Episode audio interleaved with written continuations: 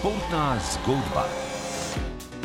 To bo to. Italijanska prestolnica je letošnja gostiteljica Evropskega prvenstva v vodnih športih, na katerem se športniki merijo v plavanju, skokih v vodo, skokih z mostu ter daljinskem in umetnostnem plavanju.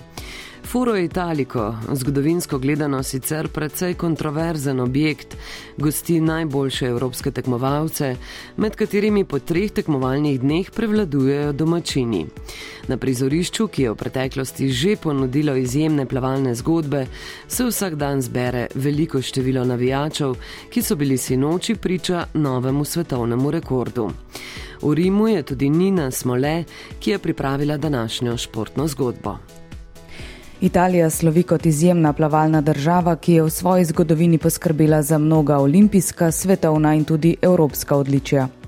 Dejstvo, da Rimu novič po letu 1983 gosti Evropsko prvenstvo, ni presenečenje, je namreč dobro znano prizorišče vsem ljubiteljem plavanja.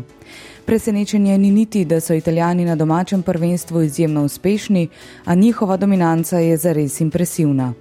Po treh tekmovalnih dneh in 69 podeljenih odličjih jih je kar 20 ostalo v domačih rokah.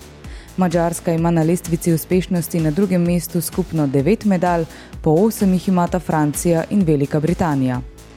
Nabor tekmovalcev je pri italijanih tako velik, da jim pravilo Evropske plavalne zveze, da v polfinalnih in finalnih obračunih lahko eno državo zastopata zgolj dva tekmovalca, povzroča že precej težav.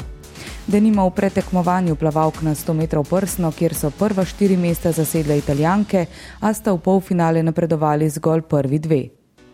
Ni čudno torej, da je plavalni stadion v popodanskih finalnih bojih nabito poln pretežno italijanskih navijačev. Ti še posebej glasno pozdravijo svoje ljubljence in bučno nagradijo njihove uspehe, a z velikim navdušenjem pospremijo tudi ostale zvezde evropskega in svetovnega plavanja.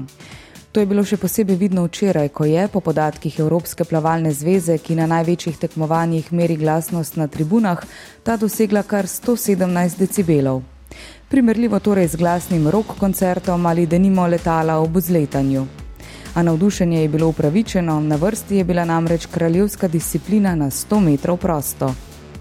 Že v polfinalu se je Romun David Popovič precej približal magični meji 47 sekund, izboljšal evropski rekord in dal vedeti, da je s tem tudi svetovni precej ogrožen. Ta je bil kar 13 let v lasti brazilca Cezarja Siela, ki ga je dosegal na svetovnem prvenstvu prav v bazenu v Rimu. Včerajšnji dogodek je tako kar nekoliko romantičen. Kljub hladnokrvnosti 17-letnega Popoviča, ki pri svojih letih vse čas deluje izjemno zbrano in mirno. Zares izjemno je odplaval predvsem drugih 50 metrov in s časom 46-86 za 5 stotink izboljšal rekord. S tem je zdaj tudi edini plavalec v zgodovini, ki se je pod mejo 47 sekund spustil več kot enkrat v karieri. Kako dolgo bo zdržal ta rekord, seveda težko predvidevamo.